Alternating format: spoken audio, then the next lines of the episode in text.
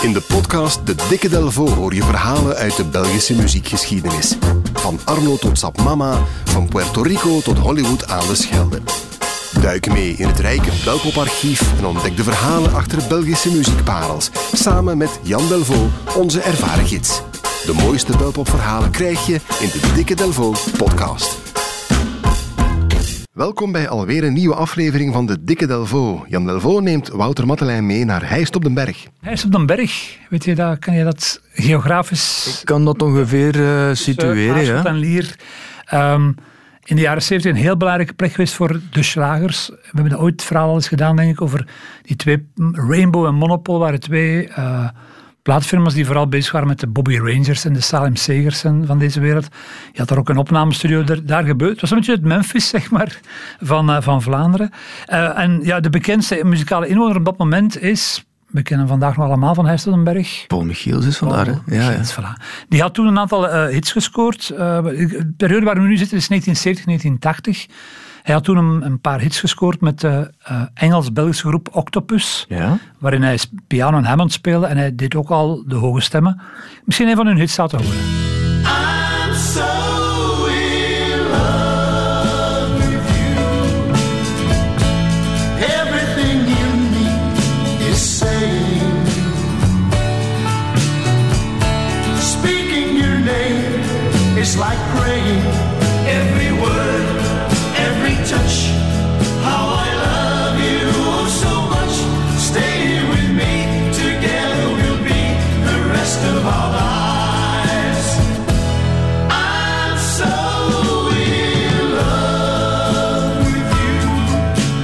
Ben verliefd op jou. Ja, ja, het was al een heel grote hit geweest in de versie van Paul Severs. Ja. Uh, ik ben verliefd op jou, heeft 100.000 singles verkocht. Dat was dezelfde grote orde als Eviva España en Zeven Anjers, Zeven Rozen. Echt een monumentale hit eigenlijk.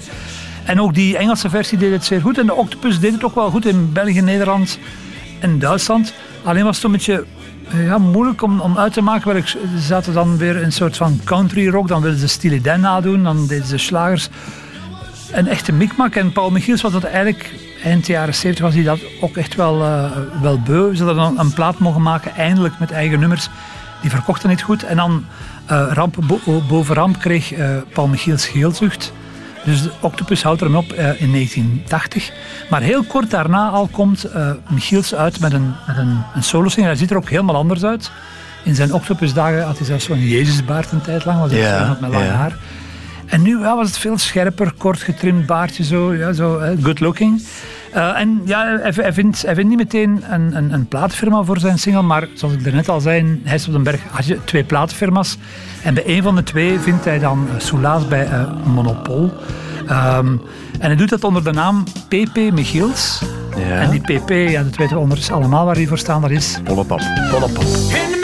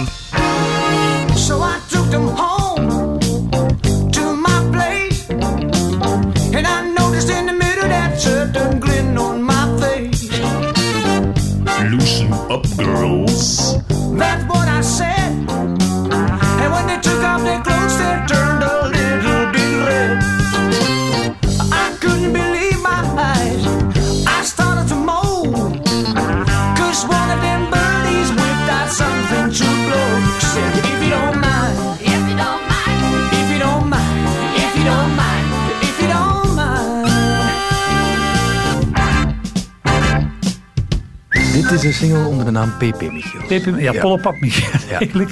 Uh, Females, een, ja, een sterk nummer dat ook een, een klein hitje wordt. Uh, ook al dankzij de clip die uh, Paul Michiels had gemaakt.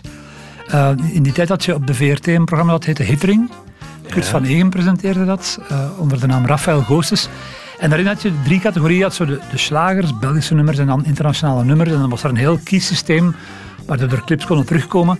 Maar het fijne van dat programma was dat die artiesten zelf clips mochten maken. En die mochten dan ook vaak het scenario bedenken. Er zitten echt de mafste dingen eh, tussen. Eh, en, en ja, bij PP of Polle Pap was dat ook wel zeer eh, bijzonder, want er staat altijd zo, als je dat gaat lezen op het internet, staat er altijd bij, dankzij de videoclip. Nu, wat was er in die videoclip te zien? Die is eigenlijk wel heel grappig, dus je ziet zo, ik denk, hij is op een berg in het duister en Polle wan- wandelt over de straat, komen twee vrouwen af. En, die spreken hem aan. En rechts zie je zo een bord hangen waarop zo'n een lichtbord. En daar staat in het groot op: Welcome to Pepe Michiels. Dus, Oké. Het is heel bizar. Ja, dus, eh, waarom dat hij dan in het duister loopt en die twee vrouwen tegenkomt op die plek en waarom hij daar welkom was. eh, zeer, zeer bijzonder. Er ontstaat een, een gesprek. Ze gaan met, mee met hem naar huis, zegt de tekst dan. Maar in, in, in werkelijkheid gaan ze mee naar een hotelkamer eh, in Antwerpen. En daar staat tussen twee palmbomen staat er een bed met zo'n een, een sprei met een tijgerprint. En die vrouwen trekken hun kleren uit. Is 1980, hè, dus dat was nog voor Jezus geboren was. Die trekken hun kleren uit en die duiken alle twee met Paul Michiels mee onder die tijgerprint. en dan draait hij zich naar links, naar rechts. En dan in de volgende scène, dat, dat is een geweldig beeld, zit hij op zo'n soort rieten troon. Ken je de film Emmanuel nog? Ja, Zo'n soort rieten grote... zo'n rotan ding. Rotan ding. Ja, ja, ja. ja. In een, in een glinsterende rode kamerjas die open eh, is. En hij, doet een, eh, hij giet champagne bij de twee dames die zo bijna aan zijn voeten liggen. En dan in de volgende fantasie wordt hij 's ochtends wakker. Eh, hij, hij kleedt zich aan. Hij staat recht in zijn onderbroek gewoon op televisie. En ondertussen zwemmen die twee dames rond in een zwembad. voilà. Dus dat was wat toen bedacht was. En dat deden toen ook Sterk scenario. Sterk scenario, voilà. Het staat op YouTube. Zeker opnieuw eh, te bekijken.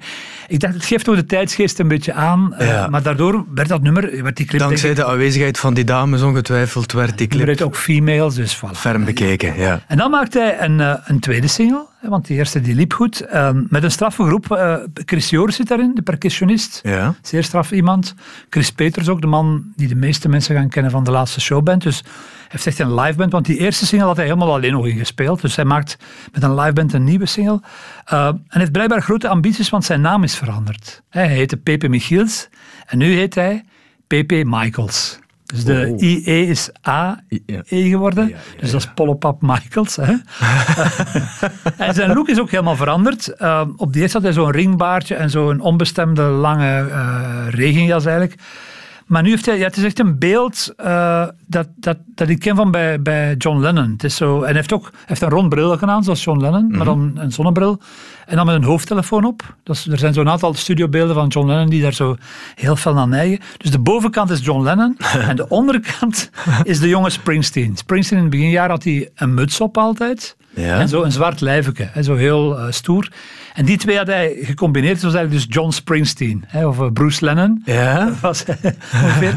Eh, en de sfeer ligt helemaal in de lijn van females. Hij dacht, ja, op die lijn ga ik doorgaan.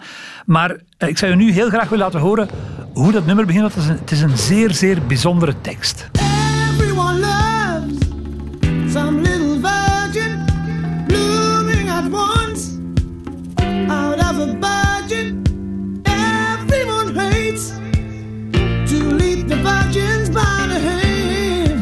Ja, ik citeer nog eens opnieuw. Dus, eh, Everyone loves some little virgin. Blooming at once. Dan komt er zoiets dat ik totaal niet begrijp. En dan, everyone hates to lead the virgins by the hand. Ik weet het niet, bedoel, hoe dat je dat moet vertalen. Daar moet je Ik een me daar- Maar dus iedereen haat het om de maagden bij de hand te leiden of zoiets in die sfeer. Heel bijzonder. Hè? Maar goed, dat is eh, eh, de, de vrije meningsuiting. en eh, Dichterlijke vrijheid, voilà. Dichterlijke vrijheid. Maar het is ook wel mooi dat hij dus van... Want het nummer heet Virgins. Dus hij gaat van females gaat hij naar virgins. En hij neemt duidelijk geen blad voor de mond. Het was ook zijn laatste single, dus ik vraag me dan af, wat zou de volgende geweest zijn? Hè, voilà. Maar het stopt dus. die carrière die zet niet door. Hij stopt ook met muziek een tijd lang. Hij gaat tappen in het café van zijn oma. En daar komt een paar jaar later iemand langs. Die heet Jan Leijers. En die was daar in dat café op bezoek op aanraden van Bart Peters omdat Bart Peters dat ook... eh, Bart Peters dacht echt dat die females van daarnet, dat dat echt een, een Amerikaans nummer was. En die man bleek gewoon, ja, Boeghout, hij is op de berg is 12 kilometer, denk Ligt ik. daar Dus achter die- de toog te staan. hè. ja, voilà, voilà, voilà. Dus dat is zo, ja, dat, is een, hè, bedoel, dat moet wel een, een geweldig beeld zijn. Maar dat lukt dus niet. Hè. De- Zo, Paul Michiels zegt van, wat kom jij hier doen? Ik denk dat Jan Leijers was dan ook nog een vrij timide jonge filosoof, denk ik. Maar een, een paar jaar later eh, komt dat toch in orde tussen die twee eh, als Bart Peters met de radio's begint. In de allereerste versie van, toen het, de radio's is het later geworden, maar het toch de radio's. Daar doen Jan Leijers en Paul Michiels in mee op vraag van Bart. En daar blijkt ook dat, dat die twee stemmen dat die heel goed met elkaar blenden. Ik weet niet of jij, hoe dat je een mooie Ja, dat die vermengen. Ehm, trouwens, Jan Leijers is ook de producer van de eerste single van Bart Peters. I'm Into Folk was hij de producer. Eigenlijk van in 1986 wordt dan eh Soul Sister geboren. Eh heette aanvankelijk de Soul Sisters. Dus wat merken we op? Na de zussen. Females, females, virgin sisters. Dus eerst met vrouwen, dan met maagden en dan met zijn zuster.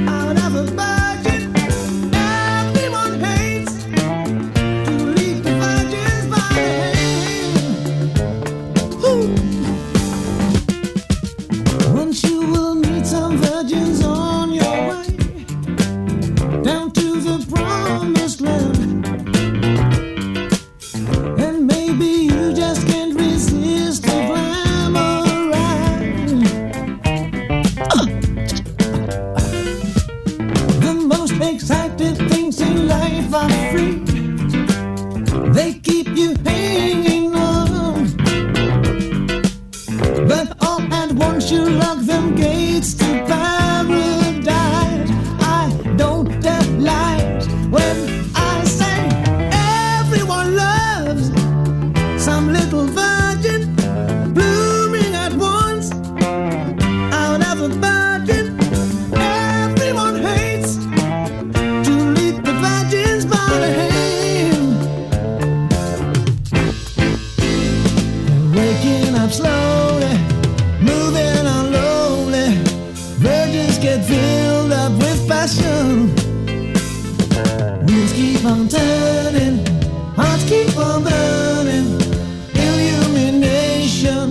Lust for sensation.